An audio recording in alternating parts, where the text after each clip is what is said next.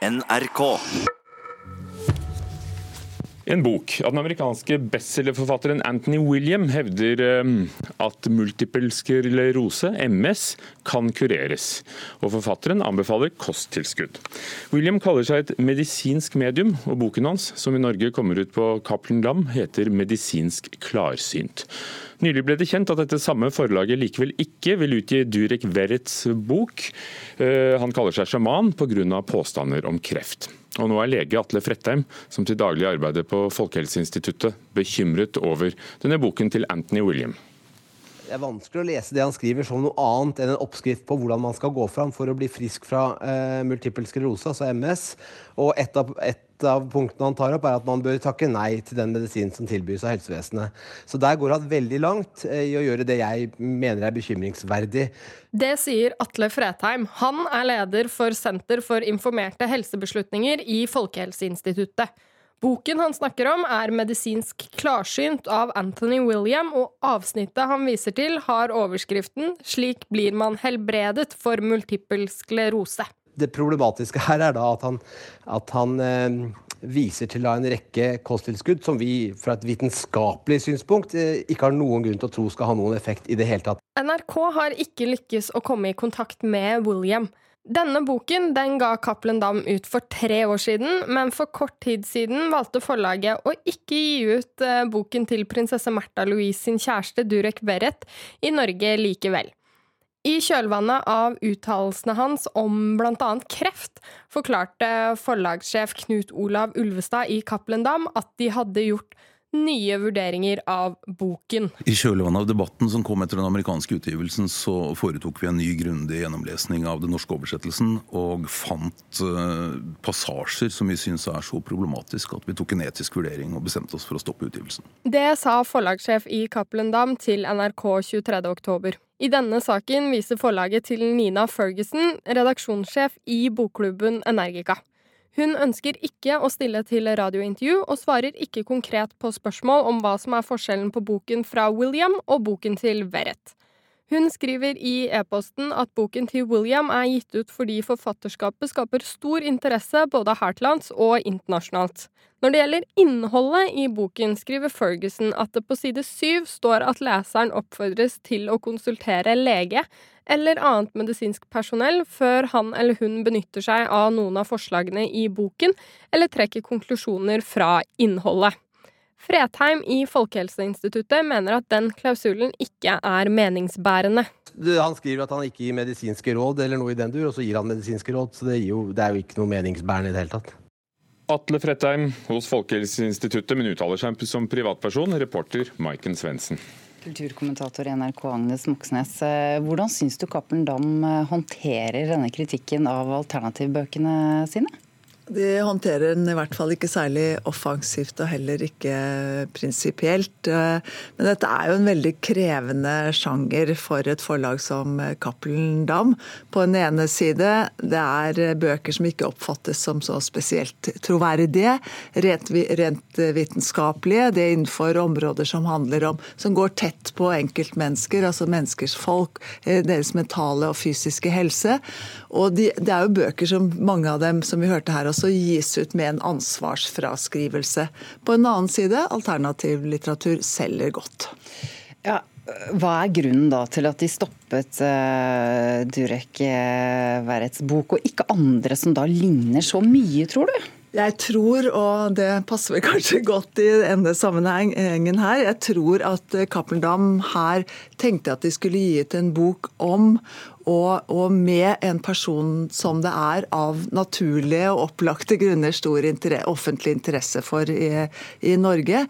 Eh, men de fikk da tydeligvis, ifølge kritikerne, en bok som verken fremstiller livet hans eller hans terapeutiske råd og innsikt i annet lys enn det som fremkaller latter, og antageligvis også forakt.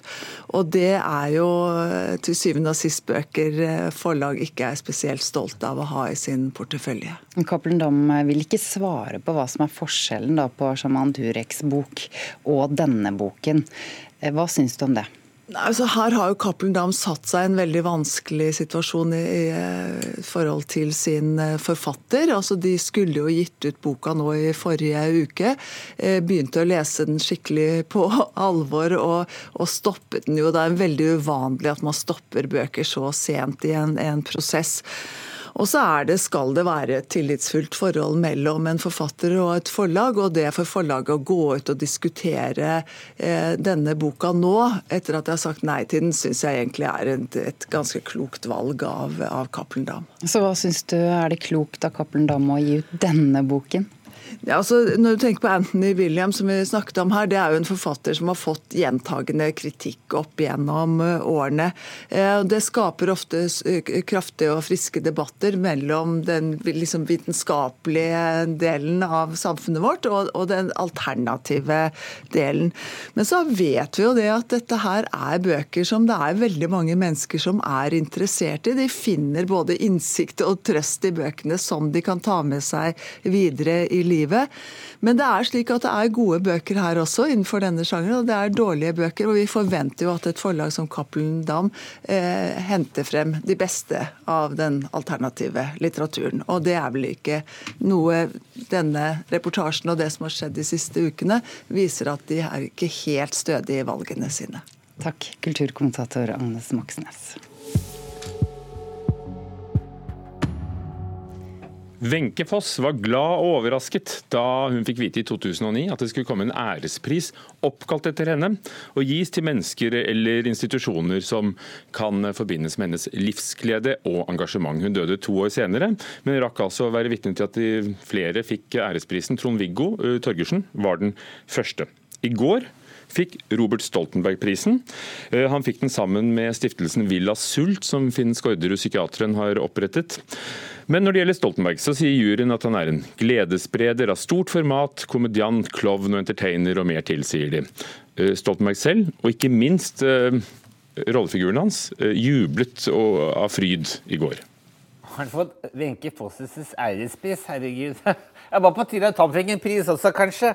Nå skal det drikkes, og nå skal det være chardonnay og cheese doodles. Får ikke mer moro enn å lager sjøl! Karakteren Jeanette jubler på vegne av sin opphavsmann, Robert Stoltenberg. Skuespilleren og komikeren som for alvor kapret kongeriket med borettslaget i 2002, med karakterer som Narvestad Jeg er en driftsleder. Jeg er en, jeg er en, jeg er en leder. Nevnte Jeanette. Jeg er glad i mannfolk, det kan jeg godt si, men det har vært min store sorg også. For jeg har brent meg på mannfolka. Og Pirka, men helvete, hva står ni og glor på? Faen! Er psykiatrisk pasient, jeg voldelig! Har han trimmet nordmenns lattermuskler og berørt hjertestrengene deres. Og Stoltenberg er selv rørt over å få Wenche Foss ærespris. Det er veldig inspirerende og veldig motiverende å få denne prisen, fordi jeg har følelsen av at den henger litt høyt, den prisen. Og jeg ser på den rekka av folk som har fått den før meg, så blir jeg veldig, veldig begeistra. Eh, jeg syns det er veldig stort. Jeg, jeg, føler meg litt lykkelig i dag, jeg må si det. Jurymedlemmer Fabian Stang og Ellen Horn hyller begge Stoltenberg som en varm og verdig vinner. Er det noen artist som virkelig svarer på alle de kriteriene vi har, så er det Robert Stoltenberg. Vi lever i en verden hvor uh, det ikke går uh, riktig vei. Uh, og da trenger vi noen som Robert, som viser oss at det går an å Eh, vise kjærlighet eh, til hverandre. Han både er en fine kunstner, han behersker sitt fag, han er en fantastisk artist. Men han har et hjerte på rette sted, han har engasjementet, og han har kjærlighet til menneskene og publikum og sprer glede. Og det var det Wenche var opptatt av. Hva syns så en av Stoltenbergs nyere karakterer, presten Svein, om prisvinneren? Og hvilket terningkast vil han gi ham? Jeg tenker at som prest Robert han sprer humor, og da sprer han glede og hjertevarme, så jeg vil gi han seks. Nei, forresten, det blir helt Jeg mener, jeg, jeg vil gi han fire. Det får holde. Wenche Foss' ærespris tildeles noen som kan forbindes med hennes livsglede, formidlingsevne og engasjement, både på og utenfor den kunstneriske arenaen. Og at prisen bærer hennes navn, gjør Stoltenberg ekstra ydmyk. Eh, jeg møtte Wenche Foss flere ganger og hadde sånn utrolig stor respekt for henne. Jeg syns hun var liksom det nærmeste man kom kongelig uten å være kongelig. Intervjuet henne en gang også, faktisk som en av figurene mine. Vi satt på bordet hennes nede på Theatercaféen. Hun hadde et sånn eget Wenche Foss-bord. Og da jeg satt der som Linda Johansen Du vet jo Linda fra Nord-Norge satt der og hadde med fyrstekake og snakka om Wenche Foss. Og det var ikke bare stort for Linda Johansen, det var jaggu meg stort for Robert Stoltenberg også. Så å få en pris i hennes navn nå jeg føler liksom at nå er ringen slutta, på en måte. Og karakter Pirka bidrar gjerne med en ekstra liten takketale til slutt. Jeg vil takke for prisen som gir Robert så mye, som gir han fantastiske muligheter og så mye lykke. Takk så forbannet mye! Reporter her var Knut Øyvind Hagen. Simon Stevens er en av Storbritannias mest kjente dramatikere. I Norge så har mange sett det merkelige som hendte med hunden den natta, som eh, Det Norske Teatret blant andre har eh, satt opp. Nå har Nationaltheatret satt opp et av Simon Stevens egne verk, skrevet fra bunnen av. Det var premiere i helgen på Harper Regan, med Ågot Senstad i hovedrollen. Hvis du drar, så syns jeg ikke du skal komme tilbake. Jeg vet ikke hva jeg skal si. Nei. Jeg trenger å dra hjem et eh, par dager. Faren min er jo syk.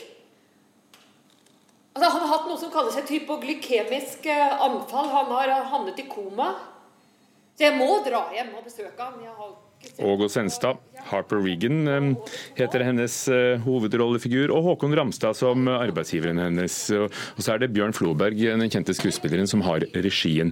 Karin Frøsland Nystøl, teaterkritiker eh, i NRK. Hva handler det om? Eh, Vi får kanskje et lite glimt av det her. Ja, vi gjør det. Det handler om ei kvinne i starten av 40-årene som vi hører seg er far hennes syk, og hun ønsker å reise hjem for å, for å se til han. Det får hun jo ikke lov til.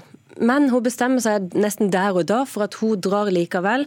Og hun drar ikke bare til far sin, hun forlater rett og slett familien sin, eh, mann og barn. Hun drar uten å si fra om noen ting. Eh, Og så følger vi henne da på denne, på denne reisa, en slags livsodyssé, der hun møter ulike folk på sin vei, som da setter hennes liv i, i perspektiv, kan du si. Bjørn Floberg, viden kjent som skuespiller. eh, Politimann Hammer i Varg Veum-filmene, sist som Tagal type i Ut og stjele hester i, i, i filmen. Men har regissert før også. Da var du overvettes begeistret. Ja, da var jeg ordentlig begeistra. Han regisserte Motortown, som er skrevet av samme dramatiker for noen få år siden ved Nationaltheatret.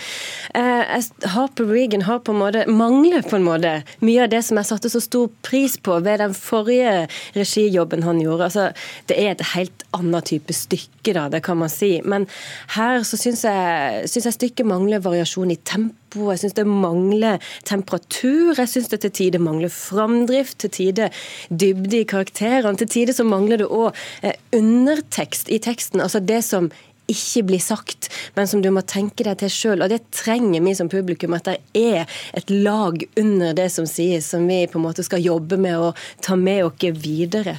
Eh, Men samtidig så må jeg jo si at Ågot Senstad som Harper Regan er veldig, veldig god. Det er en, egentlig en ganske god, sånn godt skrevet rolle i dette stykket. Og hun, hun spiller så neppe på, men hun klarer likevel å hente fram stadig nye nyanser i spillet. Hun, hun lager en kompleks og interessant karakter. Hun har eh, overraskende brudd og en veldig rik mimikk, selv om det er så neddempa. Er det, er det en sammenheng med Ibsens uh, Nora fra et dukkehjem? hjem? Ja, det er jo i hvert fall noen som drar. Eh, men så er det òg noen som kom tilbake igjen, faktisk, her, da. Eh, det er mye som er forskjellig. Men det, er jo, det der med å dra fra familien er jo egentlig ganske, ganske likt. Og jeg satt og tenkte underveis at hvis det skal være så enkelt er det en Nora for vår tid? Jeg syns det er så enkelt for Harper, når, med alle de hun møter som skal gi livet henne perspektiv. De er så, de er så på en måte typete. da. Det er ingenting mer å hente i karakterene enn det de sier. Der mangler underteksten liksom, i disse episodene.